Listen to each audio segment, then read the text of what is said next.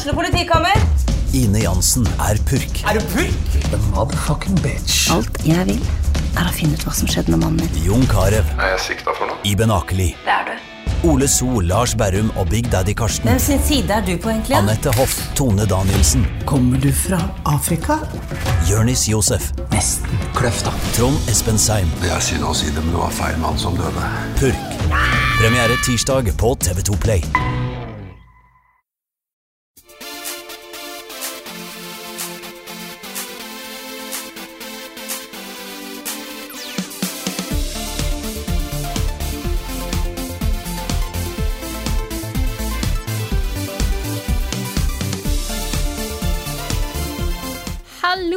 Sammen, og velkommen til en ny episode av podkasten Level Backup. Med meg Frida Landmo, og med meg har jeg selvfølgelig Karl Martin Hogsnes og Rune Fjell Olsen. Hallo, folkens. Hvordan går det denne torsdagsformiddagen? Nei? Så ble det helt stille. Det går, det går bra. Ja, da Venta var du på meg, Karl? Ja, jeg venter på deg. Ja, ok. Ja, nei, det går fint. Det går Ja. Mm. Kanskje den kleineste introen jeg har eh, introdusert. Ja, jeg tenkte liksom, fordi jeg hadde tenkt å si Jeg tenkte liksom la Rune ta først, og så kan jeg uh, følge opp med å si at jeg liksom har uh, det- Det går bra, men jeg har også uh, fått erfare at det liksom Det fins smertestillende som er fem ganger sterkere enn jeg trodde det gjorde. Oh, ja. okay. For jeg har jeg klarte å vrikke beinet forrige uke. Så jeg, har, så jeg driver nå og går på sånn derre Ibux og Paracet, og det er sånn super-Ibux og super-Paracet som er sterkere enn noe jeg noen gang har hatt. Mm. Og jeg skulle ta begge, så det er sånn Wow. Dette er Wow. Altså, det, det er jo ikke Det er jo ikke farlig, men det føles litt sånn derre shit, dette er drugs.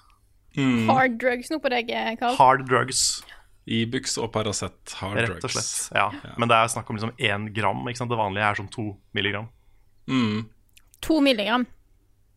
200 no. milligram. En, vanlig, vanlig Paracet er vel 500 milligram? Er det det? Ja. Jeg trodde både Ibux og Paracet var 200. Ja, det samme det. Ok, så en fjerdedel, eh, en fjerdedel av det du pleier å ta nå, Ja. ikke sant? Ja. Men hvordan går det med ankelen din, eh, Karl? Det går bra. Ja. Det er, eh, først så trodde jeg det hadde gått helt bra. Fordi vi skulle i et møte, og jeg klarte å tryne, bare sånn helt uten videre. Så jeg har klart meg gjennom mange vintre i Oslo, men på høsten, da tryner jeg, Mm. tydeligvis. Og vi, hadde, vi var i et møte, jeg satt i det møtet mens jeg liksom blødde fra kneet, og så bare shit, dette er litt vondt, men det er også litt metal. så, eh, så da gikk det fint den dagen, og dagen etter så var det dritvondt.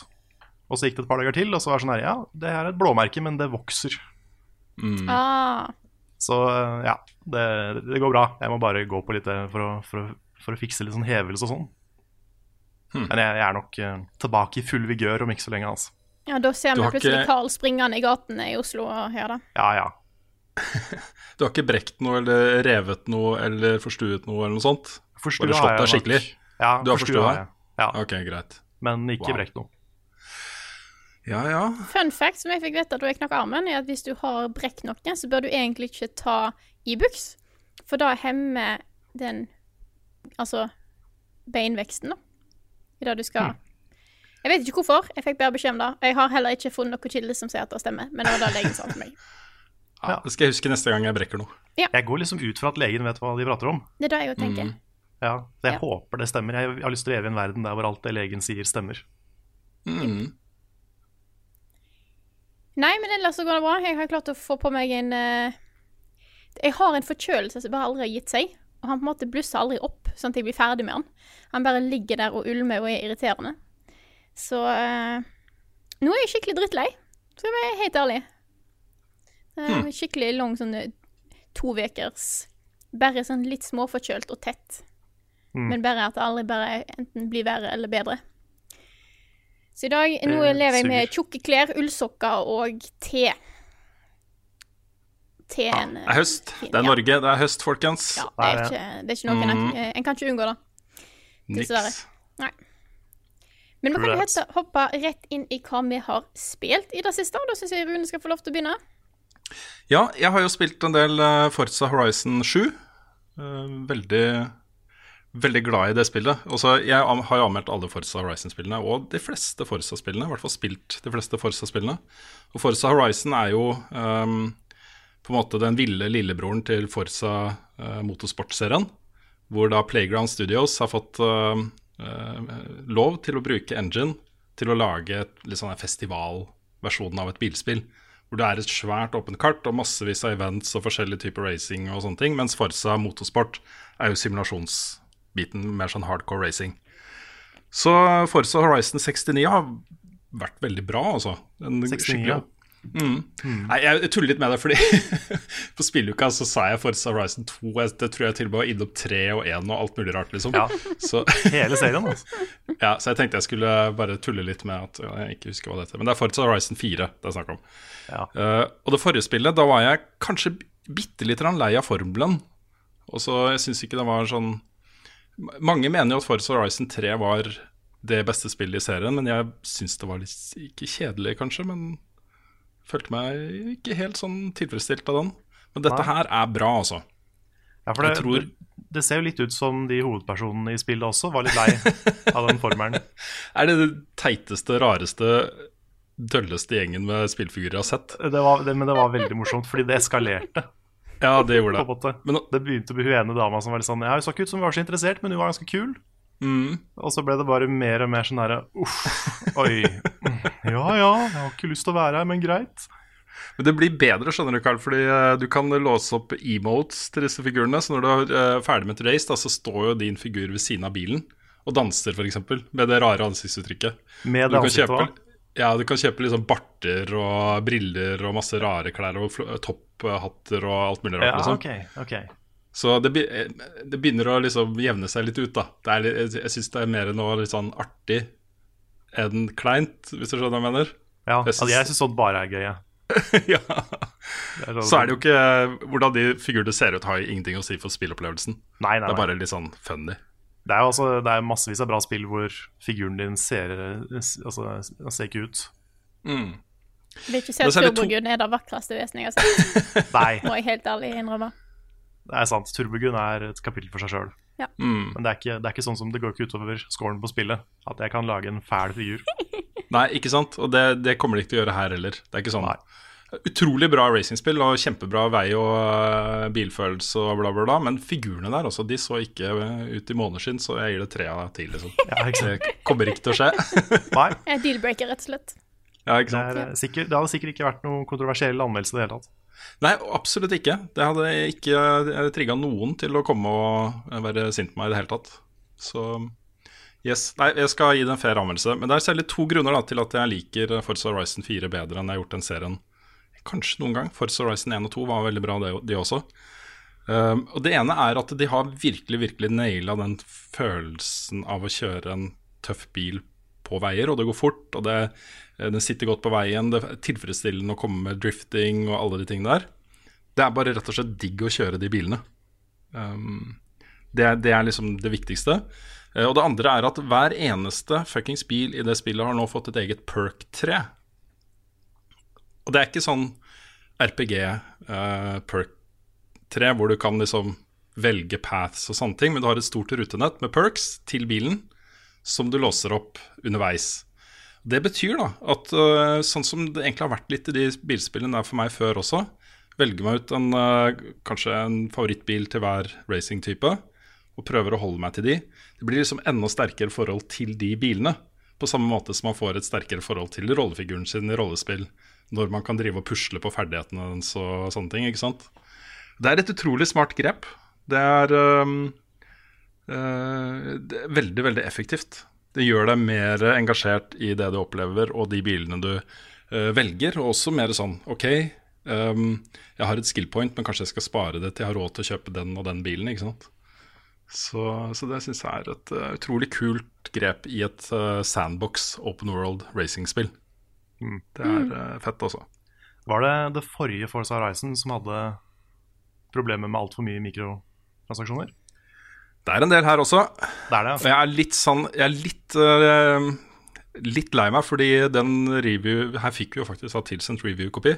Det var VIP-versjonen av spillet, dessverre.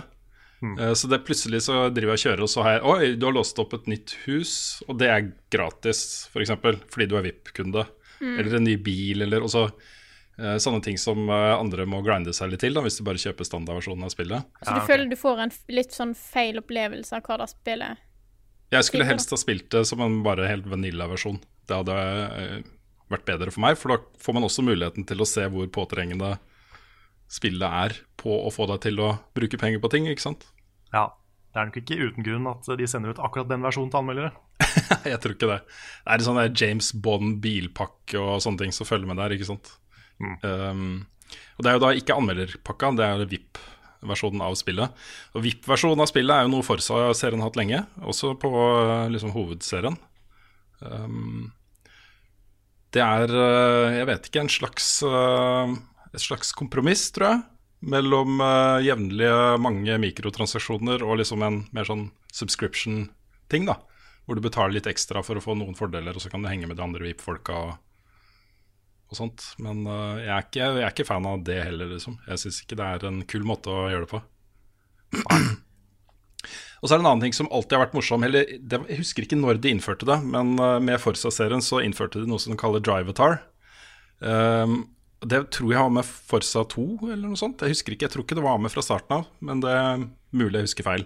Men det er jo sånn at da tar du eh, tar spillet, personer fra din venneliste, og lager uh, bilavatarer basert på dem. Altså bilene kjører Det er som om Fleksnes liksom er foran meg i bilen. Det står Ja. Fleks, Fleksnes over bilen.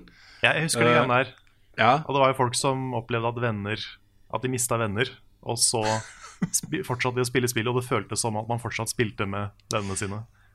Det var, ikke sant, det er eh, Nå har jeg lagt på gameplay-video fra Forza Horizon 4 eh, Hvis du ser denne podcasten her på YouTube um, Og det er en scene der hvor, hvor jeg kommer opp bak Fleksnes da, Som da er Jon Cato Lorentzen, for de som ikke vet det.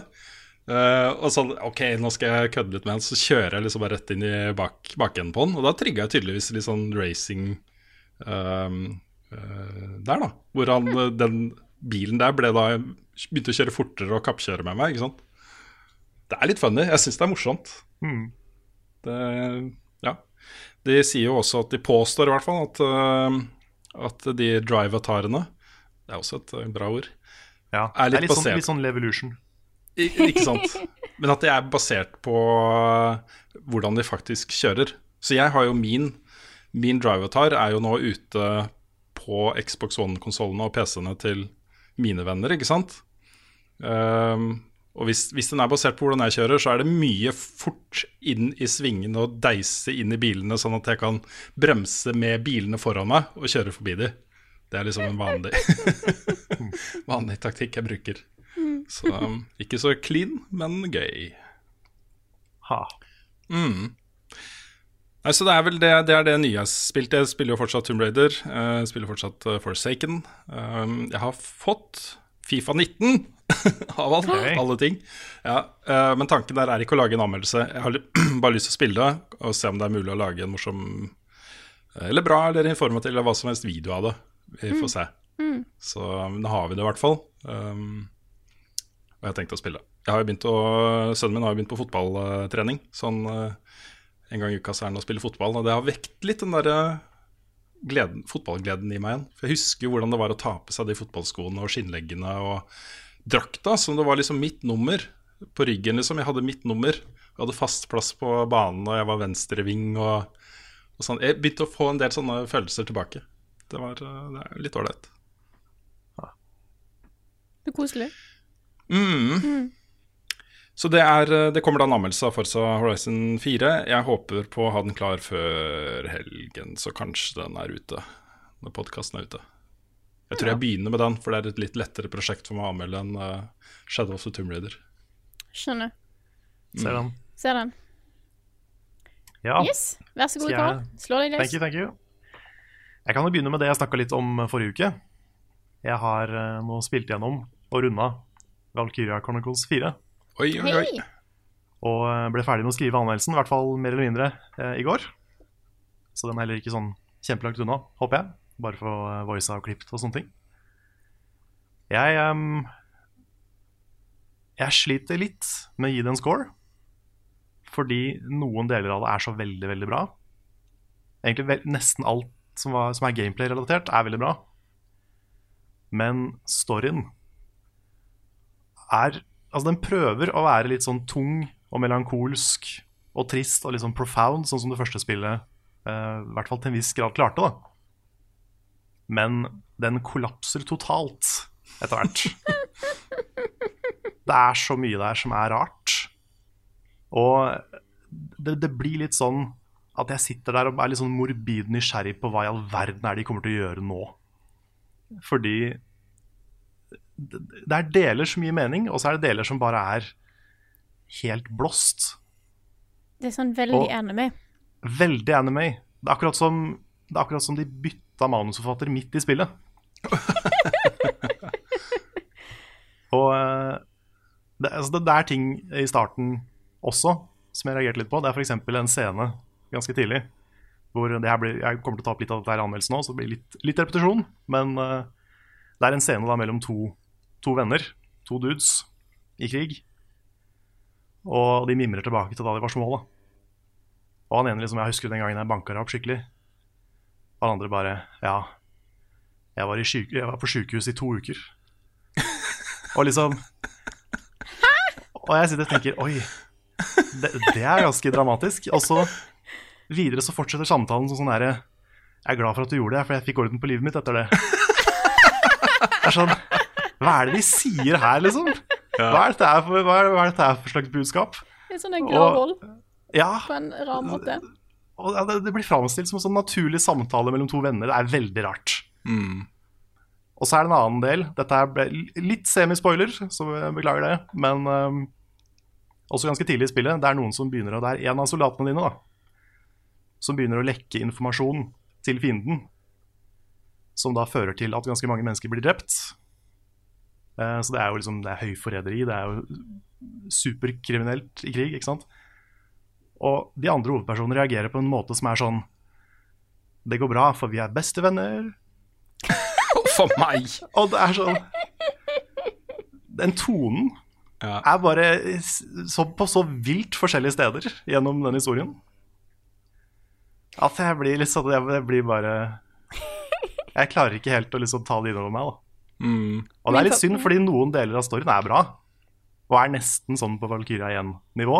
Men så er det andre ting som bare ødelegger alt. Mm. Jeg har fått litt sånn uh, snapper av Carl underveis når han har spilt dette her, og min favoritt igjen Jeg vet ikke hvor spoiler det er å snakke om det, derfor er det vanskelig for meg å ta opp. Ja, det er litt spoiler. Ja, OK. Men uh, Jeg har så lyst til å si det, men jeg, har samtidig, jeg føler samtidig ikke at jeg kan det, for det er ganske seint i spillet. Ja, det er akkurat det. Det, er- det er et moment, da, i hvert fall, som er Ja. en karakter. Kan vi ta en sånn, kan vi ta en sånn etter, øh, etter vi sier ha det-ting om det etterpå? Er det, Ja. er det dumt? Ja, vi kan godt, eh, kan godt eh, gjøre det. Kanskje til og med etter eh, musikken og alt mulig rart. Ja, Ja. ja. sånn der, Stay tuned til slutten av podkasten hvis du vil høre om den siste tingen. Ja. Ja, ikke sant? Ja, men da gjør vi det. Og da gjør vi det. for jeg har veldig lyst til å snakke om det. For jeg, det kommer jeg ikke til å ta opp i anmeldelsen heller. Ja, okay. Ja, det er sikkert massevis av lytterne her som ikke eh, er i nærheten av å vurdere å spille Valkyria Chronicles eh, 4 engang. Så Nei, ikke sant? Så det det er, dette, er, dette er sånn for, for de som, som, har, som spiller det, eller som har lyst til å spille det. da. Så Mm. jeg har ikke lyst til å ødelegge det for dem. da tar vi det senere. Ja. Men jeg har også spilt uh, Megaman 11. Ja! ah, hvordan var det? Det var uh, i starten. Uh, den, den starten kan dere jo se på stream, fordi jeg spilte det på stream med Frida i går. Og vi eh, Jeg spilte i to timer, blindt, første gang. Og sleit litt. Jeg husker det var én ting du sa et par ganger underveis. Det var sånn Det spillet her er litt vanskelig. Ja, det, er, det var litt vanskelig. Ja. For jeg, jeg satt jo Jeg sto jo stanga i nesten hele streamen.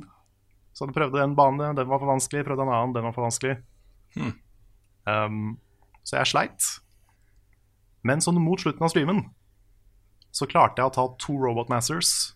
Yeah. Det begynte å sitte. Jeg begynte å skjønne at jeg måtte spille det som et nytt spill, og ikke på den måten jeg har spilt gamle Megaman-spill på, for du har jo en del mm. nye abilities som ikke du hadde i de gamle. Så fort jeg begynte å bruke de, og så fort jeg begynte å bare bli litt mer kjent med spillet, så ble det mye lettere, og det ble mye bedre. Nice. Og jeg fortsatte å spille eh, etter streamen i uh, halvannen time ish, tror jeg. Og nå har jeg tatt alle bortsett fra to. Damn. Wow. Det Så det, det kom seg. Så fort, så fort det liksom begynte å, begynte å sitte, så, så var det mye lettere og mye bedre. Mm, Så det her er, dette her er det som Night Number 9 burde vært. nettopp. Jeg hadde blitt uh, bekymra for spillet hvis, uh, hvis eh, du, Carl, master of Megaman og alle sånn 2D plattform action-spill Ja, jeg, jeg vet ikke om jeg fortjener tittelen Master of Megaman. Altså, jeg har aldri vært god. Nei, men du har spilt bare- har masse, spilt. ikke sant? Du har har kommet deg de. gjennom de, og også Ja. Sonic 2D. ah, du er god i, på den sjangeren generelt, liksom. Hvis du sier at det er for vanskelig, så hadde det vært et Det hadde vært eh, ja, noe som er verdt å fortelle folk. Ja, det, det, kan, det, det er kanskje sant. Mm. Men uh, Megaman 9 husker jeg også var sånn. Det var grisevanskelig lenge. Men så fort du fikk tatt én bane, så begynte det å løsne. Mm. Og da klarer du en ting til og en ting til. Og så er det viktig å bruke den shoppen i spillet. For der kan du kjøpe sånne upgrades som du beholder. Og det også gjør ting veldig mye lettere. Ja, nettopp. Jeg var redd du mista de når du fikk game over. Ja, noen av de gjør det. Okay. Sånn som han, eh, den veldig, den veldig fine lille fuglen. Jo. Den, den runde robotfuglen som, eh, som hjelper deg når du detter ned i en uh, bottomless pit. Den, den er sånn one time, Oh, okay. så den må du kjøpe på nytt. Men sånn for eksempel en, en power-up som gjør at du får mindre knockback når du blir treffet av ting, den beholder du. Huh. Og så kan du få sånne spikes på skoa som gjør at ikke du sklir så mye på isen og sånne ting. Så Kult. de burde man definitivt skaffe seg tidlig. Så blir det mindre mindre tricky. Mm. Men det er jo litt morsomt, jeg nevnte det på streamen i går òg, at uh, Megaman 9 var jo det første spillet der hvor en av robotmasterne ikke var en man, men en woman. Splash Woman. Og så, i Megaman 10 og 11, så tenkte de Nei, vi går tilbake til å bare ha man. Nå har vi prøvd, Så da. det er sånn, ja, de prøvde. De prøvde. Det er sånn, nå har vi hatt én. Det holder. Ja, ja. Så det er litt sånn points for trying Capcom. Mm. Men Jeg bare synes det er litt gøy at liksom, ja, nå, har vi, nå har vi prøvd det. Ja. Så gidder vi ikke mer. Mm. Men spillet er veldig bra, og jeg syns stilen er helt uh, perfekt. Det ser nydelig ut. Det gjør det. Det er så, det er første gang Megaman hovedserien har fått en ny stil siden tror 90-tallet, eller noe sånt. Husker ikke helt når Megaman 8 kom. Men, eh, men det å introdusere en ny stil nå, som passer så bra, og som er så fin og så bra animert, det, det digger jeg. Mm. Det føles som et moderne spill, selv om det er 2D og, og Megaman. Så jeg er positiv. Kult. Nice. Da kan jeg ta og fortsette, hvis ikke du hadde noe mer. I'm done. Yes.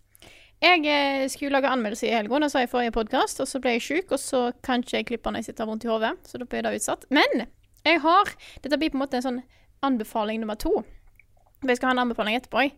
Eh, men jeg har endt opp med å sitte og se på en ny serie som går på Netflix. Som jeg uh, fikk veldig sansen for, så jeg tenkte bare nevne. Det er The Good Place med hun Kirsten Bell. Ja, hva heter Ja. hun fra Veronica Mars. Kristen Bell, er det? Christ, ja. Ja. Kristen Bell, ja. Mm. Fantastisk god serie. Jeg liker konseptet veldig godt. Det handler om at eh, hun her eh, Jeg holdt på å si kaller henne Veronica Mars, da. Uh, dør. Og kommer til The Good Place, altså himmelen, ved en feil. Hun her er skikkelig, skikkelig bad. Burde ikke vært her i det hele tatt. Og så blir det ganske mange festlige situasjoner derifra. Så det ligger Den er kjent for å være Kjent er godt skrevet, den serien. Veldig godt manus. Mm, veldig gode karakterer. Eh, jeg syns det er veldig Det er bra rollegalleri. Det er ikke for mange karakterer, så du blir på en måte forvirra. Eh, serien tar et par eh, Jeg, jeg, jeg syns at Jeg syns han gir det bra. Jeg har nå sett snart ferdig sesong to. Det er kun sesong én som ligger ute på Netflix på norsk nå, så det er litt eh, dumt. Men eh, sesong én er dritbra. Sesong to òg er bra så langt. Så eh, anbefaler den veldig hvis du har lyst til å se på en litt sånn eh, koselig, morsom, bra serie eh, nå på en eh, trist høstdag. Kanskje du har blitt litt forkjølt? Kanskje du trenger noe å muntre deg litt opp med? Men jeg har jo òg eh, begynt på nytt igjen på Near Automata. Jeg har en plan om nå denne høsten her at jeg faktisk skal komme meg gjennom det. Det er et sånt stort hull som jeg vet at jeg har. Så nå har jeg spilt sånn ish ti timer. Det gjorde jeg i helgen da jeg var litt eh, trist og misfornøyd. Eh, Merka liksom det tok litt tid å komme inn igjen i det. eh, Med combat-system og litt eh, hvordan, ok, hvordan er det mappet funker, hva, er det, hva var storyen her igjen. Men nå er jeg back on track, eh, så jeg sitter bare og koser meg med det. Det er jo Det, det er ikke overraskende, det, det er bra spill. Jeg tror Nick har det vel ti av ti, har han ikke det? Jo da. Mm. Så eh, I like it. Jeg gleder meg til å se hvor det kommer. Jeg har en del, ti- en del igjen. Jeg er nå bare sånn 13 timer uti, tror jeg. Ha. Så da er det jeg har spilt i det siste. Så jeg tror kanskje vi bare hopper rett videre til at jeg kan fortsette med min faktiske anbefaling. Ja, da er det den faktiske eh, anbefalingen min for denne uka. Jeg har eh, sittet og kjeda meg litt på lab nå de siste dagene. Og da har jeg hørt litt på en podkast som ble anbefalt av en venn av meg. Det var faktisk samme som anbefalte My Dad Wrote a Porno, så han er en eh, bra podkastfyr, dette her. Ja, det er, det er kvalitetsstempel. Ja, det, jeg får noen tips fra han, så er det alltid sånn Dette må jeg sjekke ut. Eh, og dette er Det er kanskje litt skadefryden i meg som hopper fram her, men dette er en podkast òg, på fire episoder, om Han heter How to fuck up an airport. Det handler om bygginga av en, eh, en flyplass i Berlin, BER, og hvordan den bygginga har gått fullstendig til helvete. Det er Som de bygger ingen- nå, liksom? Eller er det et historiske Og jeg tror ikke de er ferdige ennå. Å nei, de holder Han på, skulle- liksom? han skulle egentlig åpne i 2011, Ah, Ja. så, eh, så den er på en måte fucka opp ganske bra. Og eh, du kan jo trekke fram et par, par fantastiske ting, da. Eh, Som for eksempel at de eh, eh, fant, eh, henta inn en arkitekt som eh, tegna hele flyplassen. Og så begynte de å bygge, og så innså de at å ja, vent, han, arkitekten her har jo offentlig gått ut og sagt at han liker ikke Det han hater mest med flyplasser, er butikkene. Så han har tegna en flyplass uten butikker, som de har allerede begynt å bygge. Som de da nødt til å begynne å putte butikker inn i, sånn at, sånn flyplassen skal kunne tjene penger. Det er én fuckup. En annen var at de eh, plutselig fant ut at å, flyplassen er for liten, så de bare forstørrer alle tegningene nesten med 70 eh, Det fucka opp alt som har med brannvernssystem som ikke funka. Så på en, eh, et tidspunkt så vurderte de Det var rett før første åpnings, planlagte åpningsdatoen. Så de fant ut OK, vi har noen branndører som ikke åpner seg eller lukker seg sånn som de skal dersom det blir brann. Så planen deres var å ansette 800 personer, eller studenter, som skulle sitte med disse branndørene se etter røyk. og hvis det kom røyk, så skulle de ta inn eller Åh. åpne dørene.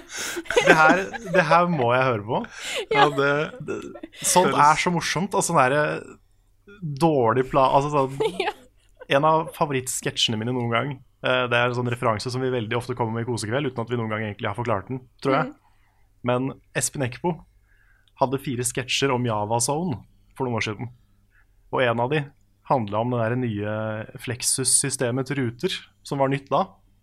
Og det var jo et sånt prosjekt som bare dukka opp, og det funka jo ikke i mange, lenge. Og det, det er sånn der, han bare går rundt helt sånn sånn nedbrutt og bare Legg Flexus i leser. Ja, hvor er Flexus? Og hvor er leseren? Og det, er sånn, det er en av favorittsketsjene mine, og det er jo av at sånne ting er gøy. Mm, Så at her har de tenkt et eller annet, og så har det bare ikke fungert. Jeg er nå ute i eh, episode tre av fire. eh, og de er på sånn fuckup nummer 27, tror jeg. Og det er ganske store fuckups, blant annet da, det som jeg allerede nevnt. Og eh, de hadde noe vifteanlegg som skulle hjelpe til med å fjerne røyk, eller et eller annet sånt. Eh, viftene var for store, så de var redde at det kom til å dette ned, for de var altfor store og altfor tunge. Så de var redde at måte, bare taket skulle kollapse. Eh, jo, og så er en av mine favoritter er det, er ikke, det er nok av uh, fuckups å ta her. Er ikke, jeg har ikke spoila hele podkasten nå. Jeg bare tar en til som jeg syns er veldig gøy å uh, ta opp. Um, de hadde klart et tog som skulle gå til flyplassen i dag flyplassen skulle åpne i 2011. Men siden flyplassen ikke åpna i 2011, så um, hadde de på en måte et tog der som var klart. Problemet er at de har masse tunneler, Så for å unngå at det skal bli fuktproblem og danne seg sopp i disse tunnelene, så må da toget kjøre uten passasjerer hver natt. så da toget går, jeg tror det er to ganger per natt, bare for å, for å få luft gjennom tunnelene. oh, det er så bra. Det burde vært en sitcom. Ja. Og det, det, det er så gøy, for dette, dette, dette er en realitet. Ja. Dette har skjedd. You can't skjer. make this shit up. Ja. Nei, Så det er How to fuck up an airport. Fuck er da skrevet med F. Hashtag eurotegn K. Eh, og ra- det er Radio Spetköf Berlin som har den, så det er en tysk radiokanal, men de snakker på engelsk. De snakker bra på engelsk, så det anbefales veldig. Jeg skal sjekke nå. Ja, Jeg skal sjekke ja. om det faktisk er mulig å søke på How to fuck up. Ja, fordi både den og My Dad Wrote a Porno er sikkert litt vanskelig å finne pga. det. Fordi både fuck og porno er sånne ord som blir flagga. Men jeg, jeg, jeg, fant, jeg har funnet en sånn ting. Det var ikke egentlig et problem, så jeg søkte først How to fuck up an airport. Så Ingen resultater! Nei. Så, Ingen resultater. nei, så Men det var jo det, alternativ nummer to, valg nummer to eller noe sånt. Da, når du bare tar how to. Så det er how Ja, to ok. fuck med F, hashtag eller eh, firkant, eh, euro-symbolet og K. Hvis du søker okay. den opp, så skal du også finne den. Men det er i hvert fall, handler om flyplassen i Berlin som heter BER. Jeg husker ikke hva det står for. Det kan hende det går an å søke 'How to up an airport'. Ja, for det var det jeg tror jeg først gjorde første gangen.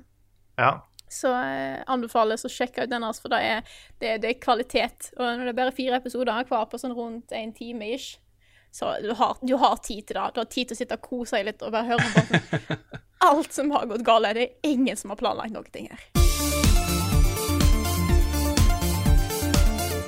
Da gir jeg ordet videre til Rune, som skal snakke litt om nyheter i dag. Det skal jeg, og vi eh, har jo Vi prøver jo um, å ikke komme med rykter så ofte. Uh, i, verken i level up-sammenheng eller da vi jobba i VG. Veldig forsiktig med å omtale rykter. Uh, men når ryktet kommer fra en Reddit-bruker som heter Vape This Bro, så må vi nesten gjøre et unntak. selvfølgelig. Yes. Ja. Eh, grunnen til at jeg tar opp dette her, er fordi um, bl.a. Eurogamer og en del andre nyhetskilder som jeg stoler på, da, sier de har liksom kilder som mer eller mindre bekrefter ryktet. Så det er ikke bare Vape This Bro som har sagt dette her. Eh, men han posta en video fra et eh, Harry Potter-spill som så ganske lekkert ut. Og det var jo sånn eh, offscreen, sikkert filma med mobiltelefon. Eh, så det var jo ikke høykvalitetsvideo, men det var da uh, et ordentlig 3D-spill lagt til Galtvort, eller Hogwarts, da, hvis, uh, hvis man vil. Hvor man gjorde spells og alt mulig rart. Og det var ikke Harry og Hermine og gjengen, det var jo nye rollefigurer. Det som har kommet fram litt av info etterpå, av kilder som siterer da ikke så åpne kilder, er at spillet eh, skal være lagt til 1900-tallet, og at det faktisk er et spill. Det er et spill. Um, utviklet av, uh, ifølge da fortsatt ryktene, et selskap som heter Avalanche Software. Og det er ikke Avalanche Studios i Sverige. Det er de som har lagd uh, Disney Infinity-serien. Um, Ja, riktig. ja, Ryktet vil også ha det til at Warner Bros. nå beefer opp Harry Potter-satsinga si og jobber med flere Harry Potter-spill. Så første rykte var jo at det var Rocksteady, Batman-utviklerne, som lagde dette, men det er det da ifølge disse kildene ikke. Jeg føler det er vanskelig å snakke om sånne ting som er basert på ubekrefta kilder. Det er ikke offisielt annonsa eller noen ting, liksom. Um, men spørsmålet er jo da liksom Har vi tro på at, uh, at Vape This Bro kunne ha lagd en så fancy-schmancy animasjons... også 3D-animert film? For det er jo det det hadde vært, da, hvis det ikke er riktig, liksom. Mm. Jeg vet ikke. Det virker veldig troverdig. Det ja. Ja, det gjør det, altså. Og det er jo naturlig at det skal komme Altså, det er en åpenbart god idé. Mm, Både det at det er et Harry Potter-spill, også det at det faktisk er satt i fortid. mm. Ja, sant. For da kan de gjøre hva de vil. Nesten. Jeg, husker vi har fått det spørsmålet før i, i denne podkasten, tror jeg til og med. Uh, når man skal lage noe bra da, basert på en kjent merkevare, så er det beste man kan gjøre ofte å bare lage noe helt nytt. Bare lagt i samme univers med ny, nye rollefigurer, en helt ny historie og sånne ting. Det, og resultatet blir da ofte mye bedre. Fordi man har fri- friere tøyler, ikke sant. Ja. Så det dette her handler om, det er jo bare å ta utgangspunkt i, i Harry Potter-malen, som er du ankommer galtvort, det skjer mystiske og farlige ting, liksom. Du må reagere på det, utforske og bla, bla, bla. Lære deg spells og sånne ting. Og så bare lage en ny historie, ikke sant. Ja. Absolutt, absolutt. Jeg, jeg tenker litt på det der med Telltales Game of Thrones. Mm. Bare for å dra opp Telltale igjen, som fortsatt er litt sånn trist. Men, um, men der følte jeg at den originale historien de skrev, var ganske bra. Men de figurene fra serien som dukka opp i sånne cameos, de var egentlig mer distraherende enn noe annet. Ja, ok. De var liksom, altså de var der, og de var for så vidt OK skrevet, følte jeg. Men det føltes bare som en sånn fanservice-ting. Mm. At de kanskje bare distraherte fra den historien de egentlig ville fortelle. da. De ikke hadde en mening der, liksom. Mm. Det hadde vært veldig kult hvis uh, Rawlings var involvert her også. Fordi jeg tipper at hun har en del historier som uh, hun sikkert har lyst til å fortelle, men som kanskje ikke er så lett å få ut. Um, Altså ikke passe inn på en måte i det universet originalt hadde lagd. Men tenk deg, bare, bare se for deg hvor uh, kul en historie om f.eks. da Dumbledore var ung, hadde vært. Altså da hvordan han blir på en måte den mektigste trollmannen i verden. Altså Ja, den er, det ikke, er det ikke litt det de dekker i de nye filmene nå? Jeg tror da, jeg tror kanskje det er litt okay. mer i eh, fabeldyr, det Jeg husker ikke hva det Ah, heter. ok, greit. Ja. Ja, Jeg har ikke han- sett noe av det, så det Nei, Han var vel ikke med i den første, men jeg vil tro han er med i Ja, jeg jeg tror han skal være mer med nå. Ja, Ja, fordi de filmene skal vel handle om han der Grindelwald, det er vel han slemme. Ja. Mm. Og uh, litt sånn i Harry Potter-law så var Humlesnurr han som tok ut Grindelwald, da. Ah, ok. Så de har en fortid. Så det er det de, de filmene bygger litt opp til. Det er litt see. beef der som de må ta opp. Ja. Mm. Nei, men det er, eh, jeg, det er da i hvert fall ingen som blir overraska over uh, hvis dette spillet her da blir en annonse. Og så er det jo også eh, lov å spekulere i om dette er en lekkasje i anførselstegn. Um, fordi dette er jævlig god markedsføring. Ja. Ikke sant? Alle snakker om det fordi det er forbudt. ikke sant? Det er lekka og bla, bla, bla. ikke sant? Det er uh, Spesielt når det først var litt usikkerhet rundt utviklere og sånt òg. Da Ja, blir det mer sånn «Å, Var det det? Nei, det er det, det, ja. OK. Ja, det har det Mm. gjort, ja. Ja, ja jeg, det er mange, mange lekkasjer som jeg mistenker er gjort med vilje. mm, Uh, Ja. Jeg er litt, litt usikker på den her, Ja. fordi footage er såpass Det ser jo ikke så bra ut ennå. Nei, men Du får liksom godt inntrykk av det, og det kommer ekstra tydelig fram at det er en lekkasje. Jeg tror at Hvis, eh, hvis det hadde vært en, en eh, vanlig sånn eh, 1080p vanlig video, at det hadde vært ikke bare filma med et mobilkamera, liksom, så hadde folk kanskje lagt mer merke til sånn mangler og feil og litt dårlige animasjoner og, og sånne ting. Men de aksepterer mye mer da, ved at det bare er ok, dette skulle ikke vært ute, folkens. Det er altfor tidlig type ting. Ja, altså det, det, det kan være at det er gjort bevisst. Det han hevder, da, han eh, Vape This Bro, det er at eh, han eh, var med på en fokustest av dette her. At det var da et utvalg av mennesker som fikk se denne videoen og skulle komme med reaksjoner. Og det gjøres jo den type fokustester, under strenge NDA-er selvfølgelig. Men eh, ja, vi får se. Jeg har lyst til å spille det, i hvert fall. Her var det en som innså at uh, the sweet, sweet karma på internett, uh, eller på Reddit, betyr mer enn uh, en, en NDA. Ja, litt for forlokkende. Yes. Ja. Så eh, jeg tipper at Warner Bros. eh, leter gjennom eh, alle filene sine og leter etter eh, han som heter eh, Kjell uh, Vipe This Bro, Ja. Ja. Ja. Mm, Det er så mange som har uh, Vape This Bro som etternavn, så det er det som er vanskelig. Mm. En annen ting som, gjør, eh, som gir ryktet litt mer hold, er jo at Warner Bros. har, uh, har fjerna originalvideoen som ble lagt ut um, fra, på YouTube. Det ligger jo masse mirrors rundt omkring, men eh, jeg vet ikke om de hadde gjort Ja, de hadde kanskje gjort det uansett. Jeg vet ikke. Vi går videre til neste sak, vi. Som Ja. er uh, litt sånn jeg, vil- jeg vil kalle den eh, litt betegnende for eh, Ja, for noe. 13 millioner PubG-cheaters har blitt banna så langt. 13 millioner.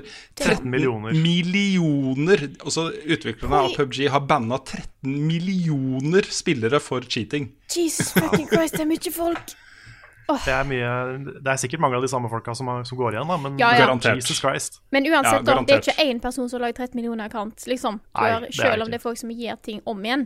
Så la Mm. oss si at du har en million folk da, som har lagd 13 accounts, for de er sjukt, sjukt uh, dedikert til cheatinga si. Så Mm. er det fortsatt en million folk! Så Det er sjukt at det er flere folk som jukser i et spill, enn som spiller de fleste andre. ja, ikke sant? det er flere folk som jukser i spill. Det fins folk i Norge Ja, Mm. ganger to.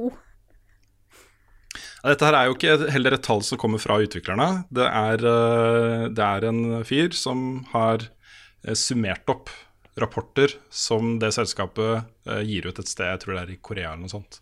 Eh, At de er pålagt å gjøre det, så har han bare summert alle de rapportene og fått det tallet. da. Tre- 13 millioner, altså! 13 millioner! Det sier noe om hvor stort det var. For det sant, når du har et stort spill som er gratis Nei, det var ikke Mm. gratis. PubG er ikke gratis.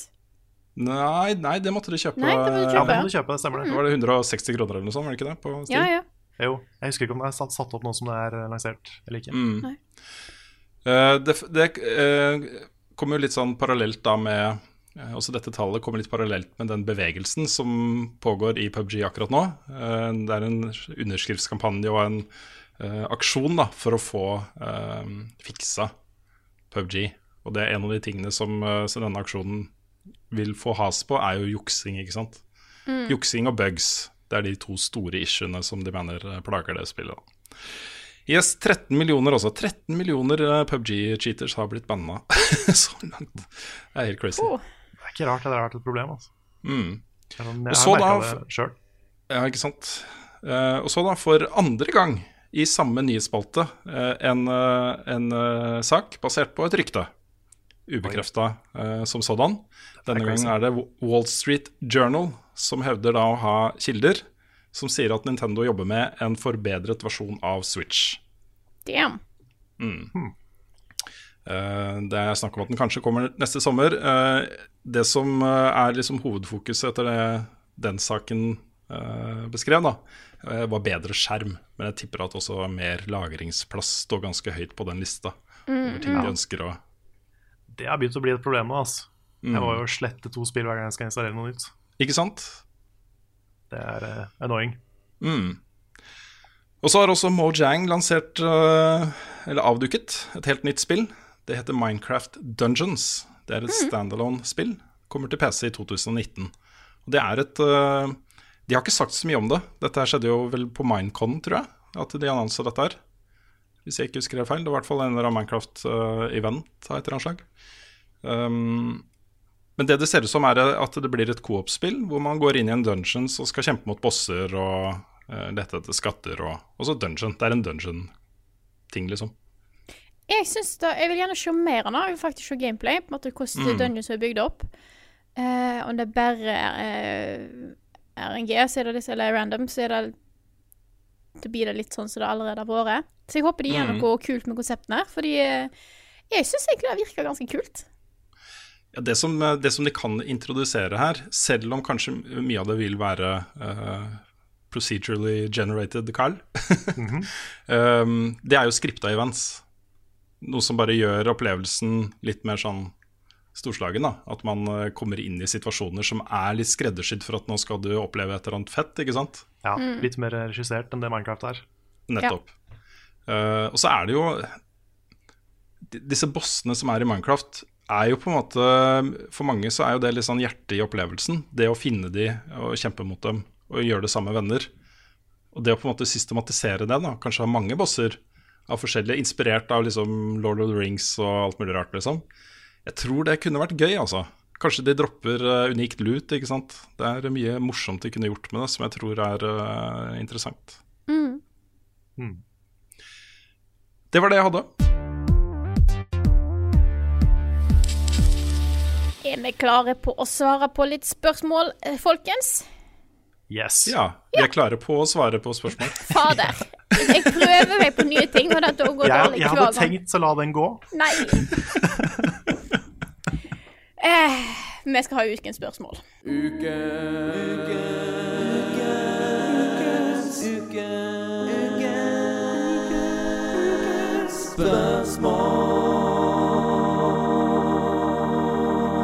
Og ukens spørsmål Slutt å le, Rune. Jeg syns det, det begynner å bli litt kleint. Nei, men det Frida, det er, det er veldig lov Jeg sier sånne ting hele tiden. Ja. Bruker feil preposisjoner og sånt. Det er veldig vanlig. Ja. Jeg sitter vanlig. fortsatt og smiler fordi jeg tenker på de studentene i Tyskland. De sitter i bandet, altså, jeg kommer ikke over det. Nei, det er så, også hyggelig av deg å si at du ler av noe helt annet. Jeg ler ikke av det også. Jeg ler ikke av deg, Frida. Jeg Ja, men, det, nei, men jeg er mener det. Jeg har, sittet, jeg har prøvd å holde tilbake litt sånn humring i hele, gjennom hele nyhetsspalten. Bra. OK, men vi skal i hvert fall ha ukens spørsmål. Nå har folk som sitter på kontoret rundt her begynt å se litt rart på meg, for jeg ler litt høyt. Beklager. Um, men ukens spørsmål er fra Andreas Malmgård. Han skriver I det siste har dere snakka litt om hvordan Destiny 2 har forandra seg til å bli et ganske grindy spill. Det har fått meg til å tenke litt på hvor mange andre store spillsatsinger som òg er av typen svære flerspilleropplevelser, hvor målet er å holde på spillerne over mange år. F.eks. Tom Clancy's The Division, Sea of Thieves, Warframe, World of Warcraft, Red Dead Online, Anthem osv. Tror dere spillvanene våre kommer til å endre seg i takt med lanseringen av flere sånne spill, hvor vi kun spiller et lite antall spill om gangen over lengre tid? Er det greit av utviklerne å lage spill hvor progresjon krever så mye spilletid at man ikke har tid til andre spill? Ja, det er et godt spørsmål. Vi har jo snakka litt om disse tingene før. Mm. jeg, jeg tenkte bare først si at jeg tror kanskje at det er litt sånn høna og, eggen, høna og egget problematikk her. Eller ting, da. Fordi jeg tror disse spillene har kommet fordi mange spillere ønsker det. De, eh, de, de, eh, du kunne se at de flokka seg til spill som hadde liksom progresjon over lang tid, og som kom med oppdatering av content over lang tid, og de kunne følge, ikke sant. Eh, For det som skjer, er jo at eh, så med alle de sosiale uh, verktøyene som vi har i dag, med Discord og hvor tett vi kommer opp til eh, folk, da, inntil folk som, uh, som du møter over nett, så blir jo det å dele en sånn type opplevelse over tid gjør jo at der har du din vennekrets, der har du de sosiale nettverk og sånne ting. Og det, det gjør at mange ønsker da, å tilbringe liksom lengre perioder i spill enn de kanskje gjorde før. Hvor uh, det kanskje var mer vanskelig, man måtte sende e-post til hverandre og sitte på Mirk og sånt. Selv om det også hadde mye for seg, selvfølgelig. Eh, Dette så jeg ting tror jeg ikke har hørt om engang. Ikke sant? Ja. Mirk? Eh, I- ICQ, har du brukt mye ICQ, Frida? Nei.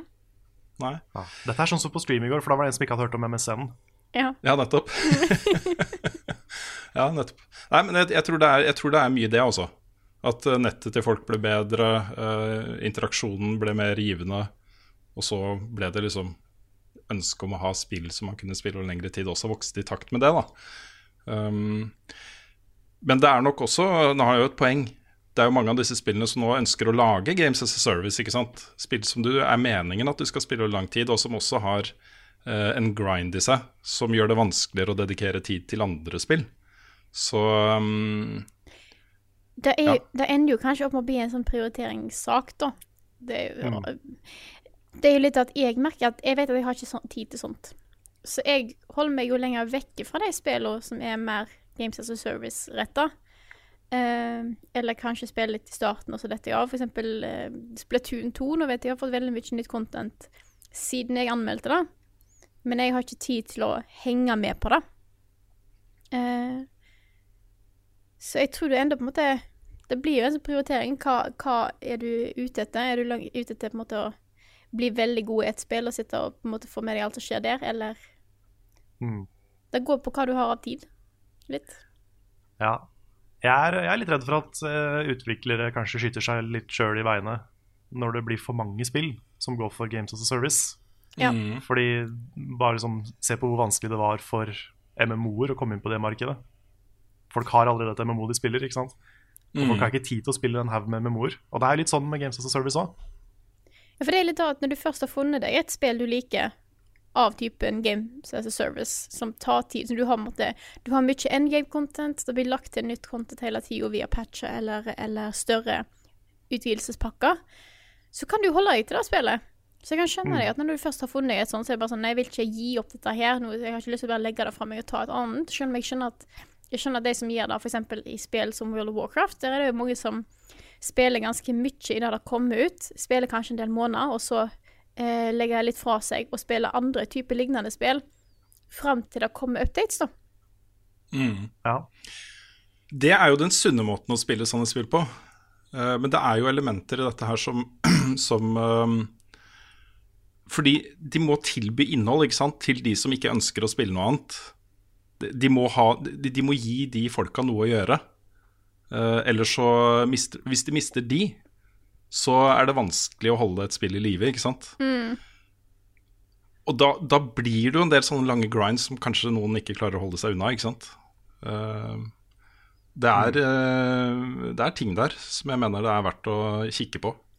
Jeg tror Ja. det, det som er viktig for sånne type spill, er at de på en måte klarer å balansere ting sånn at det appellerer til de som er mer casual gamers, og de som har veldig mye tid til overs. Jeg vet at eh, World of Warcraft har noe sånne ting nå, der du eh, eh, Jeg tror det er i slutten av hver, eh, liksom hver sånn rotation-veke, så får du en chest med, med en item som har item level lik den vanskeligste dungeon, eh, Mythic Dungeon da, du har gjort den veka. Sånn at eh, du vil alltid på, få én item, selv om du har gjort en Mythic Dungeon da, uten å få Eller bare dungeon, ikke raids, liksom bare dungeons. Eh, Hvis du har gjort det av en viss vanskelighetsgrad, så vil du alltid, garantert på slutten av den rotation-uka, få et item i det levelet. Eh, så du har på en måte den safetyen. Så selv om du er litt casual og kun bare spiller litt her og der, så vil du kunne måte, få godt gear uansett. Selvfølgelig, hvis du, hvis du spiller mye mer og grinder mer, så vil du kunne få sånne items fortere, men du fortsatt har en mulighet til å henge med, da. Hvis du er mer casual. Da syns jeg er en litt kul måte å gjøre det på. Det er en bra approach. Ja, for jeg tror mye av den der lange griden i disse spillene er i hodet til folk. Fordi eh, jeg tror ehm, eh, Sånn som nå når jeg spiller Forsaken, så er det naturlig å bruke det som eksempel. Der er det mange lange, tunge grinds som ligger der, liksom. Men jeg merker ved meg selv at det trenger jeg ikke å ta. Og det kommer jeg ikke til å bruke tid på heller. Det, der er grinden er å komme seg til eh, over 590, altså 600 maks. Over 590 for å være da eh, par med innholdet som, eh, som er tilgjengelig. Etter det, altså, da har du de våpnene du trenger, du har, har det power level du trenger og det gearet du trenger. Du trenger ikke mer. Du kan nyte alt som er av innhold i spillet helt fint, liksom, med det. Mm. for meg, det føles ganske godt, da. Å vite at eh, ok, nå har vi begynt å mestre raid og sånne ting. Kanskje bare det jeg gjør. Et raid i uka, ikke sant. Eller eh, eh, kanskje når jeg er lei av det, så legger jeg deg bort. Og så er jeg jo klar da, til neste expansion, ikke sant. Mm. Det skjer jo ikke noe annet mellom der som jeg trenger å få med meg. Eh, jeg merker også med Det kan også hende at det har noe med sånn, eh, hva skal man si, vaner over tid eh, som ikke har etablert seg så godt ennå. Fordi mange av de jeg spiller med, har vært veldig, veldig fokusert på ett spill over lang tid om gangen. Alt fra Quake til eh, Trackmania og Destiny og osv. Uh, men jeg merker at mange av de nå er veldig nysgjerrige på andre ting også. Tester ting eh, innimellom. ikke sant? Har en dag hvor de ikke spiller det spillet i det hele tatt. De tester noe annet. Eh, så jeg tror også at eh, bare man klarer å legge litt den derre indre jaget etter å få de tingene som er tilgjengelig i spillet, litt bort, så er man faktisk mer nysgjerrig på andre spill enn man eh, var før. Tror jeg, da. Ja. Jeg tror jo jeg, jeg, jeg tror ikke at dette her kommer til å føre til noe Altså at det er noe negativt eller noe farlig for spill som ikke kjører service-modellen. Jeg tror ikke det er sånn at i framtida så spiller vi bare games as a service. Jeg tror du kanskje har ett eller to sånne, men det er samtidig veldig mange som fortsatt har rom for å spille et, eh, et enkelt singleplayerspill fra start til slutt. For det er en annen type opplevelse også, føler jeg. Ja, det har vi sett to gode eksempler på i år, med Spiderman og God of War. Ja, og ikke sant? De, har gjort det, de har gjort det kjempebra. Ikke sant? Og folk har jo kjefta hardt på de som har ment at single player is dead. Ja. Mm. Og det er jo bare tull. Så jeg jeg er ikke bekymra for det, kjenner jeg. Nei, ikke heller. Nei. Men det, er, eh, det du sa, Carl, er jo litt sånn sant, da, fordi det er jo noen av disse utgiverne har jo veldig omfavna Games as a Service-modellen. Ja, Ubisoft er jo veldig på det. Ja, jeg hadde tenkt å ikke henge ut noen spesielt, men Nei, ok, eh, siden du først har gjort det, så Eh, Da er jo det naturlige titler å gjøre det for, eh, i hvert fall de fleste av de. Men sånn som f.eks. Ghost Recon kunne fort, fort vært bare en dritkul coop-opplevelse med en begynnelse og en midt og en slutt. Mm. Det måtte ikke bli en service, på en måte, eller et, noe du skulle følge over lang tid, med Wildlands. Nei, uh, mens- samme med Nå har jeg ikke spilt det nye Assassin's Creed, men Origins. Mm. Der også var det mye sånne butikker og ting som Spillet hadde ikke mista noen ting hvis ikke det var der. Nei, men det, den, den var jo ikke så hardt på, på den der uke til uke, dag til dag, måned til måned-tingen heller. Nei da, men bare den pakka med Mm. Men sånn som Rainbow Six for eksempel, er jo helt åpenbart. Det, og Division. Det er jo sånn, Hvis de klarer å holde det levende over lang tid, så sure, det er jo Bare gjør det, liksom.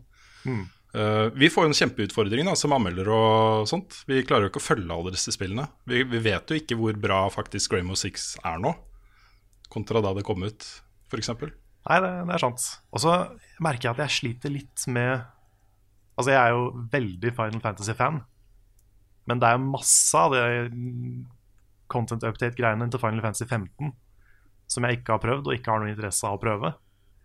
Sånn Hvis jeg er ferdig med det spillet, for det er jo først og fremst et singleplayerspill, og så fire måneder etterpå så kommer det en Assassin's Creed-event Mm. i det. Og det er ikke sånn Jeg ser ikke helt grunnen til å gidde å gå tilbake og prøve det. Jeg syns det er litt rart å gjøre et sånt spill til en Mm. service. Fordi det spillet Ja. har fått mye rare updates. Jeg har ikke kjørt motorsykkel i eh, Breath of the Wild engang, jeg. Og det, det er gjort. Det er gjort. Ja, okay, Men det er fordi ja. det var en dungeon i tillegg. Altså det var jo mer Ja, content. Mm. Jeg kjøpte meg glemt jeg å spille den. Den, den det, dungeon er ganske kul, altså. Ja, jeg vet. Mm. Det er bare tid og sånt. Mm. Yes. Nei, Jeg vet ikke om det er mulig å konkludere med noe her, men uh, det er jo et tegn i tiden at ting er sånn. Um, Men jeg tror også det er først og fremst fordi uh, det er mange som ønsker at det skal være sånn. Det er, det er noe eget med det å fordype seg i et spill, uh, og de tingene jeg snakka om, at du får sosiale, ditt sosiale nettverk online. da Du har forhåpentligvis et sosialt nettverk andre steder også. Um, der, liksom, i det spillet. Og dere kan dele nye oppdateringer sammen og og så. Og GTA Online eksempel har vært veldig bra på det. Um, så det er jo et visst håp da, om at uh, Red Dead Online også uh, holder seg i live over lang tid med bra content. Vil, uh, vil også trekke fram Monster Hunter World som et bra eksempel her. For det har Mhm. kommet med så mye uh, patcher som har vært gratis og bra. Så der uh, vet ikke hva de gjør for å kunne holde på sånn, men det, det funker tydeligvis. Det er kjempebra. Mm. Nei, men da tror jeg vi gir oss uh, der. Og så Ikke med podkasten. Hæ, Nei, ikke med podkasten, nei. Herregud, med spørsmålet. Bare to Nei, nei. Du er slutt med det. er Siste episode av Level Backup. Vi tar nå ferie for alltid. Eh, snakkes. Nei da. Det, eh, Ukens spørsmål ble ukens spørsmål. Ja, det var bare Ja, det Det, ene. det ene vi ene vi er, ikke sant? Nei da. Har, jeg har et par andre her på lur. Mm. Vi kan f.eks. ta et her fra Halvor Bjørntvedt, og skriver Har dere noen erfaring med slitasjeskade og smerte i forbindelse med gaming? Tar dere forhåndsregler for å forebygge eller bli kvitt dette? Tenker på håndledd, sener, fingre osv. Merker eh, mer av dette med alderen sjøl, og med tanke på at dere lever av å spille, vil det være brutalt å plutselig bli eh, spillinvalid over lengre tid. Ja. Jeg, jeg, jeg har hatt mye sånn scene, eh, i hendene opp igjennom. Men det var først og fremst forbinde, i, i forbindelse med at jeg satt veldig lenge med mus-tastatur. Når jeg spiller eh, med håndkontroller, så får jeg ikke den type uh, sånn scenebetennelser og sånne ting. Mye at man sitter litt sånn skrått med tastaturet og musa, ikke sant? og så får helt feil stilling og litt sånn må vri litt på ting og nå, nå taste på tastaturet og sånne ting. ja. Som, uh, og hvis man da spiller Quake 3 for eksempel hver dag i tre-fire timer, så går det gærent. så Jeg fikk jo en uh, stygg senebetennelse. Um, det må ha vært enten første eller andre året på videregående. Først så tørte jeg Jeg trodde jeg innså hva problemet var. Jeg spilte veldig mye Wii på den tida. Jeg trodde at det var bevegelse på Wii, uh, Wii-moten som hadde fucka opp høyrehånda mi. Uh, etter hvert så fant vi at det var ikke det. Det var jo noe litt mer naturlig. Uh, jeg gikk musikklinja og spilte mye tverrfløyte, og viste seg at jeg hadde eh, Du kan stille inn noen delene av fløyta for en måte at det skal være mer komfortabelt, og tydeligvis så sto den ene delen feil. Fordi at du får beskjed om at ok, jeg skal stå sånn og sånn, det er vanlig. Så viser det seg at jeg har unormalt små lillefingre. Eh, så anstrengelse der gjorde at jeg faktisk fikk en kraftig senebetennelse. Jeg kunne ikke eh, gjøre noe med håndleddet nesten på et halvt år. Eh, det var lengste pausen jeg hadde for gaming. Da spilte jeg ingenting på et halvt år. Er Den var- drepen, altså? altså. Ja, senebetennelse er drepen. Det er så utrolig kjipt. Det er liksom ingenting du kan gjøre med det. Du kan Nei, ikke bare fikse det. Jeg, har, jeg har aldri hatt noen sånne spillrelaterte uh, skader. Men det, det nærmeste Det har vært egentlig bare i det siste. Det var mens jeg spilte mye Two Point Hospital. Så fikk jeg masse sånn der Er det hekseskudd det heter? Bare sånn i liksom her. Nå, nå, nå peker jeg. Jeg skjønner at folk ikke kan Ikke kan høre det på podcast. Men, Men, Uh, ja, men liksom, jeg kjenner liksom i hele albuen at det, det kommer et sånn der stikk. stikk. Ah, Vet ikke hva det kommer av. Det er mulig det er de der uh, armlenene på stolen min som er litt rare. For du har jo ordentlig gamingstol. Jeg har det, men den er ikke så, altså jeg er litt skuffa. OK? Jeg hadde håpa at jeg skulle på en måte føle meg litt bedre i ryggen av å sitte lenge i en sånn stol, men jeg har ikke egentlig merka noen forskjell. Du har jo òg hev-senk-bord, du. Ja, men det funker ikke. det funka i to måneder, det. Altså, nå, nå går det ikke lenger. nei. Jeg har prøvd alt. Så det er ødelagt. Så jeg har ødelagt et bord. Eh, ja, jeg uh, har tenkt å få meg eh, hevsengbord og ny stol på jobb, for å være sikker på at det ikke ting går gale der. Så det er en eh, ting jeg har eh, planer om å få innført. Eh, fordi at rygg er det greit å faktisk ta litt vare på. Rygg er litt viktig å, å ha, sånn generelt. True that. Yes. Ja, burde nok tatt flere eh, Gjort øvelser og sånne ting. Det er liksom Ja, jeg gjør ikke det. Jeg burde Nei. gjort det. Det er da. Vi må, vi, må rett og slett få Lars til å gi oss et sånt level up-treningskurs, alle sammen. Mm. Ja. Det hadde jo vært en litt kul uh, greie, da. Lagd en video på hvordan du kan liksom løsne opp i ledd og Ja. gjøre deg klar for lange gaming sessions, eller uh, et eller ja. annet. Lars, Lars sin guide til sunn gaming. Ikke sant? Ja. Det er noe der. Mm, det er definitivt noe der. Ja, men da tror jeg vi hopper videre til eh, neste spørsmål. Jeg vet det er sånn sp vanskelig spørsmål å ta på kort varsel, så får jeg sikkert litt kjeft. Men jeg syns det er veldig interessant spill. Nei, spill, spørsmål. Så jeg har lyst til å ta det likevel, så kan vi heller tenke litt på det og se om vi kommer på noe bedre svar etter hvert, eventuelt. Okay. Det er fra Simen, som spør hva spill skiller dere mest som enkeltpersoner fra resten av redaksjonen? Altså hva spill liker du som person som du vet at kanskje ikke de andre har like mye sansen for? Hva spill er det som karakteriserer oss som gamere, folkens? Altså, det er jo mange av de samme spillene. Altså, vi, vi liker jo mange av de samme spillene. Mm. Men vi har jo noen avløpere, tror jeg. Jeg er veldig glad i bilspill. Eller ja, Ja. det er det ikke så mange andre i redaksjonen som er, tror jeg. Nei, Nei. Det, det er sant. Sport Altså, jeg føler veldig ofte, det gjelder for så vidt både deres ting og mine ting, tror jeg, så er det ikke nødvendigvis det at vi misliker spill som andre spiller, men det er kanskje mer at vi ikke har vært så mye borti det. Mm. Jeg spiller jo sjangere som andre i level up ikke spiller, og som Rune sier, bilspill spiller jo ikke jeg. Jeg takler ikke skytespill, så da er jo Mye hentai på deg, ikke sant, Karl? Masse. Ja, du er så fornøyd er- som Steam har åpna for deg, er du ikke? Jo, kjempe. Det er sånn I tilfelle én person ikke skjønte at vi tulla, jeg, det er ikke sant. Jeg bare vil ikke ha det på meg. De, anime porn gir meg veldig lite. Mm. Bare for å ha det på det tørre. Jeg er kanskje Nei. litt mer på altså, plattformspill, men det er jo flere som er. Jeg er veldig på ting som Jeg er glad i ting som er litt pinpoint perfeksjonisme. Mm. Eh, som krever litt av meg. Typisk Celeste og Cuphead. Mm. Eh, jeg innser at jeg har spilt litt sånn før, litt Bullet Hell og sånt, og det er egentlig er ganske gøy. Det er derfor jeg mm. måtte koste meg med kamp, eh, kampsystemet i Undertale, og med, med siste fighten der, da. Sånne ting. Elsker det. Jeg vil jo si at hvis man liksom skulle lagd karikaturer av oss, så er det jo på en måte Frida ville da vært den som bare var opptatt av liksom hardcore, pinpoint, vanskelige spill, ikke sant? Det er litt sånn, selv om det, ikke sant? det er jo en karikatur.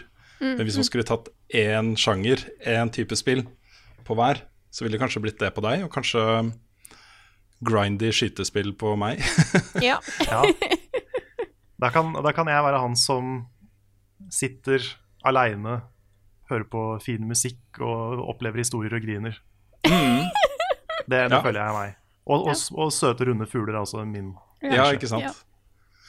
For ellers så er det jo mye sånn eh, eh, grader av hvor godt vi liker ting som skiller oss. For eksempel så er jo dere mer glad i Undertale enn jeg er. Selv om jeg også likte det veldig godt. Um, så det blir mer det, da, tenker jeg. Ja, for jeg kommer ikke på noen eksempler på liksom et spill jeg har spilt og elska, og så har dere hata det. Nei. Nei. Eller omvendt. Jeg klarer ikke å komme på noen her. Nei det da.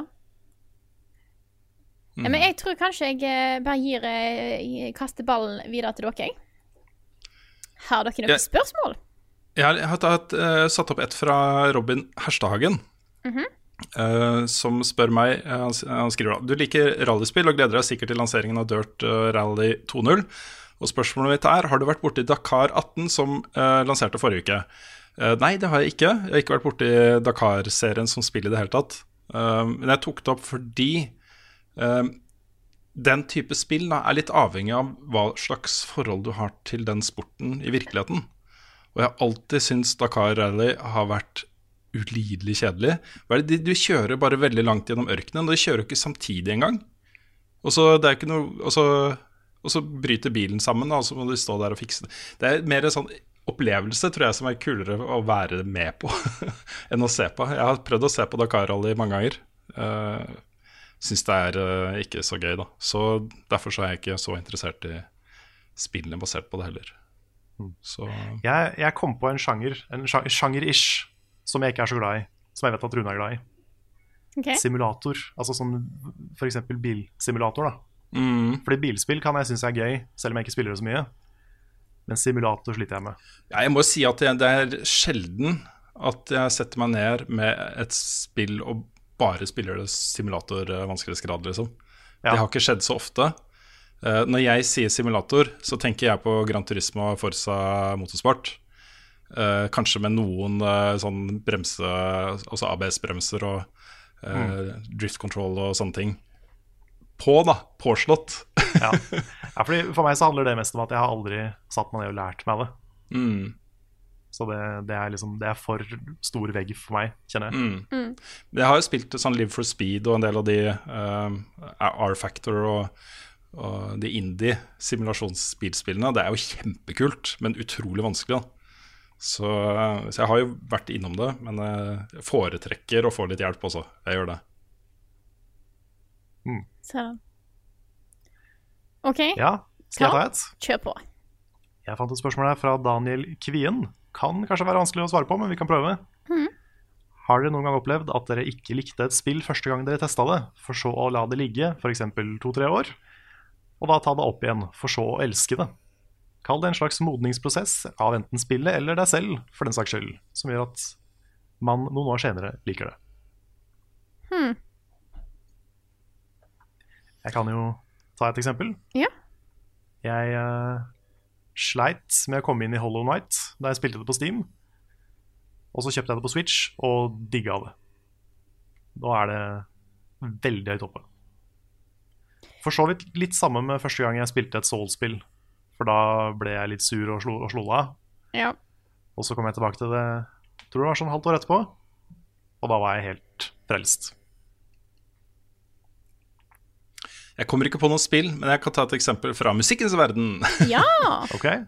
Første gang jeg hørte uh, 'Appetite for Destruction' av Guns N' Roses, så syntes jeg bare den var sånn passe. Og så gikk det et halvt år, og så hørte jeg den igjen, og da var det bare noe av det beste jeg hadde hørt noen gang. det er veldig rart. At Det har noe med sinnsstemming å gjøre, sikkert.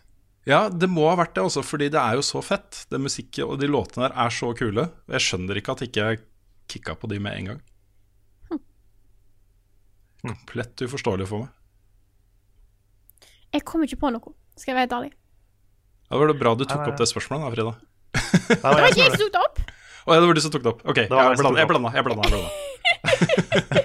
Ikke kom her og anklag jeg, meg. for jeg, jeg, jeg var litt usikker, men jeg tenkte at dette her kommer vi til å måtte tenke litt på. Men ja. men ja. Ja. Jeg syns det var et bra spørsmål. Mm. Helt enig. Men jeg har, jeg har et til, hvis Ja, vi rekker. ja, kjør på. Det er fra Hans Helgesen Ringstad. Han spør hvem er deres favoritt-Spiderman-skurk. Mm. Det spørsmålet fikk vi jo eh, da Nick var her, for å snakke om Spiderman. Uh, Nick, Nick fikk det spørsmålet. Mm, han sa, han sa um, eh, Green Goblin og Dr. Octopus, er det han heter? Ja, stemmer. Mm. Ja, for det, han, han er min Dr. Octopus. Mm. Nå har jeg ikke lest så mye tegneserier og sånn, men jeg syns både i den Spiderman 2-filmen, den gamle, så er han helt fantastisk bad guy. Og i det nye Spiderman-spillet syns jeg også han er helt utrolig bra gjennomført. Han er et av høydepunktene med Spiderman for meg. Altså med det spillet. Det har kommet en ny, ny trailer fra Spiderman uh, Hva er det? Into the Multiverse? den? Into the Spider- Spider-Verse, er det sånn? Ja, Ja, stemmer.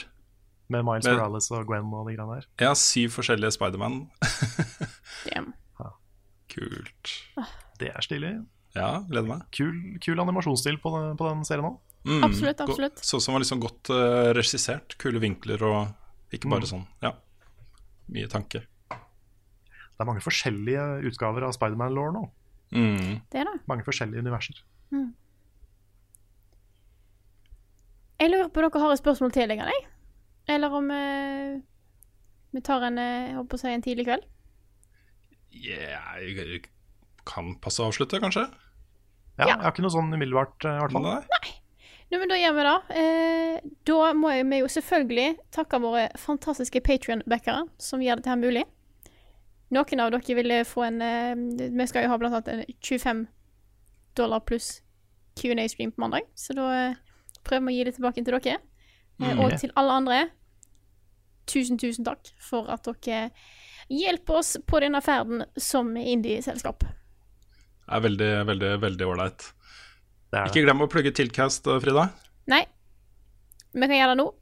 Den 31. oktober så blir det Tiltcast. Da blir det, det fem. Spørs, fem. Det begynner klokka fem. Fem Og det er fem podkaster. ja, fem Yes, så, så fem er tallet her, altså. Og publikum som kommer dit, de går fem på. Det har vi, da. Sant? Så ja, ja, ja. Nei. Eh, det blir podkast. Det blir spillpodkaster. Det er Saft og Svele, Lolbua, Radcrew, Spillmatic og oss. Yes. vet, jeg, vet at, jeg vet at Saft og Sele er først, og vi er sist. Sånn eh, de tre i midten er litt sånn vilkårlig. Eh, men eh, det blir en bra kveld. Eh, alle vi tre kommer til å være, være der. Det blir koselig. Det blir eh, podkast. Så eh, stikk innom der. Event finner du på Facebook. Det er bare å søke opp Tiltkast, så skal det stå noe der. Hvis du har noen spørsmål, er det bare til å spørre inne på eventet. Eh, Fordi de som har det eventet, vet hva som skjer. Vi er litt mer sånn vi skal være der. Har ikke organisatorisk ansvar, så bare spør der hvis det er noe du lurer på. Carl skal danse ballongdansen. Ja, Ja, Mm. Eh, skaper vi en forventning om det. ja. Jeg er spent på å se hva ballongdansen er for noe. Ja, jeg vet Dette- ikke hva det er for noe. Ja, ok, dette er, Det er så gøy, vet du, for jeg er liksom litt eldre enn dere. Ballongdansen var kjempestort. Det var jo etter altså humorgreie på norsk TV på 80-tallet. Det Ja. var noen menn som dansa nakne med ballonger, og så skifta de ballongene liksom sånn. Ja, ok, okay. Det er bare å øve. Google dette her, Karl, og så bli klar Det til skal jeg, det skal, dette skal jeg sette Det var meg det, det var det morsomste i Norge på det øyeblikket. Da, da det skjedde, da det, det her gikk på TV, så var det det morsomste. Det var det alle snakka om i en uke. I hele Wow. Norge. Mm. Ha. Ja, Og før YouTube har, og sånn, vet du. eh, Min, min største sånn eh, psykiske sperre, det er dans. Mm. Så, så dette får jeg til. Og du har ikke noen sånn der eh, rar frykt for eh, Eller fobi for ballonger? Nei, det har jeg ikke. Nei, okay. Eller for å være naken på scenen. Ja. Jeg var naken er helt Ja, ja. Jeg er så jeg er, jeg er sånn veltrent og sånn, vet du. Så det, det går helt fint. Veltrent og frigjort, det er liksom de to ordene jeg ville Ja. Ja, ja, Ja. definitivt. Nei, men jeg tror, med da så tror jeg at vi tar og takker for oss. Takk for at du har hørt på denne episoden her av Level Backup. Og så snakkes vi igjen neste uke. Men bare hvis, husk, husk, husk at nå etterpå så skal vi snakke litt om Valkyrie Chronicles, så gjerne vær der hvis du har lyst til å få med deg det. Stay tuned.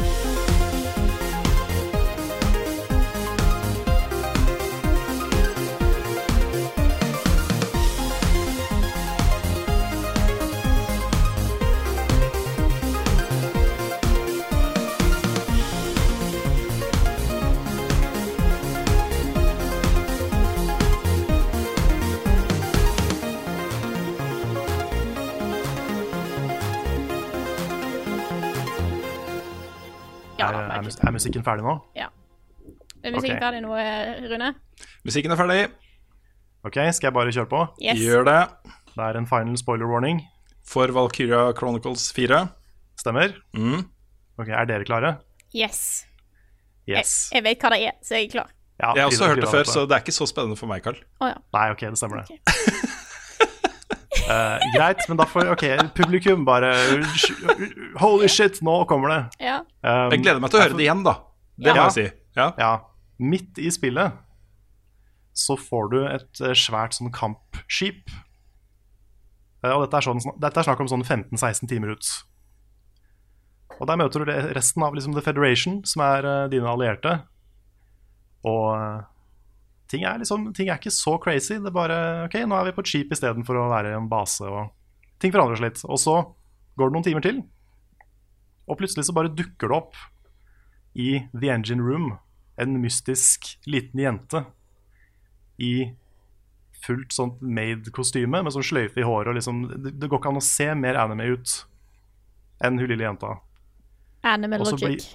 Yes, og, og hun bare er der og bare Hvorfor er hun her? Vet ikke. Og så blir hun liksom bestevenn med alle soldatene, og en av de på laget ditt blir sånn mammafigur. Og det går veldig fort. Det er sånn To cutscenes, så er hun mamma, liksom. Ja. Uh, og så de blir liksom litt kjent, og hun er der og hjelper til på eh, The Sick Bay og sånne ting. Det er allerede veldig rart, ikke sant? Allerede ganske Ja. rart. Ja. Jeg skjønner ikke hvorfor hun er der. Nei. Men så begynner å bygge opp da, som, hvem er egentlig hun? Og så kommer det fram.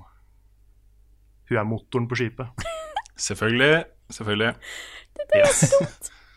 Hun er motoren på kamp, kampskipet. Så det er hun som fjuler Det er hun, hun som fjuler at skipet kan gå fort og sånn.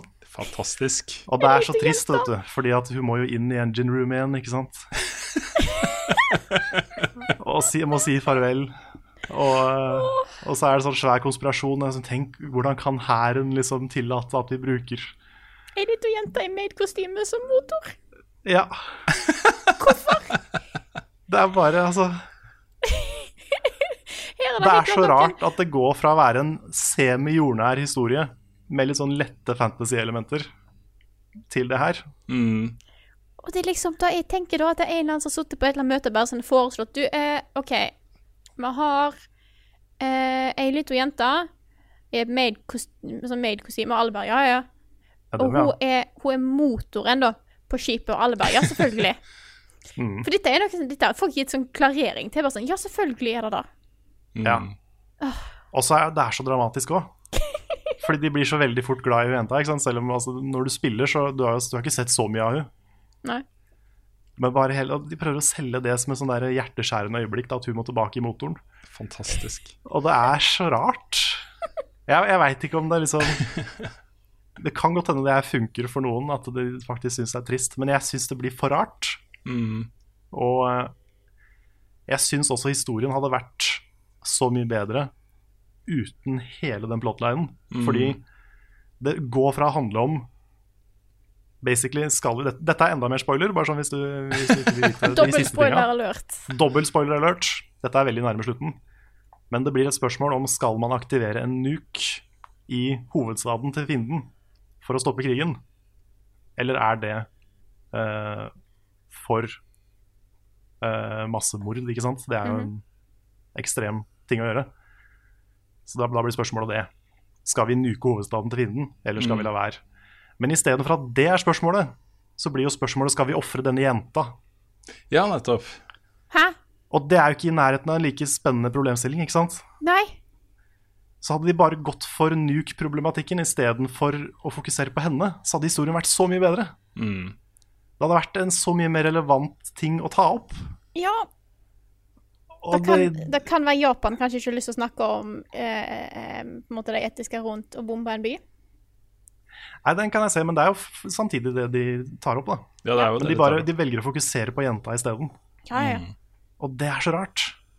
Hmm. Så jeg, jeg sitter og blir litt sånn der Jeg blir både fascinert og frustrert samtidig over at liksom Hvorfor har de gått den veien her, liksom? Men det er spesielt fordi Valkyria Chronicles 1 husker jeg som en ganske bra historie. den også hadde en del litt sånne kleine anime-ting. Uh, og da mener jeg ikke at anime-ting er kleine, men kleine ting som ofte dukker opp i anime. Mhm. Um, men det var så mye mer aktuelle spørsmål de tok opp. da. De handla faktisk litt om krig og effekten av krig, og hvordan det påvirker folk. Og uh, den type ting, da. Hmm. Så det at dette her ble hovedproblemet på slutten, det er noe av det rareste jeg har opplevd i et spill på lenge. Har du et enkeltpersonforetak eller en liten bedrift? Da er du sikkert lei av å høre meg snakke om hvor enkelt det er med kvitteringer og bilag i fiken, så vi eh, gir oss her, vi. Fordi vi liker enkelt. Fiken superenkelt regnskap.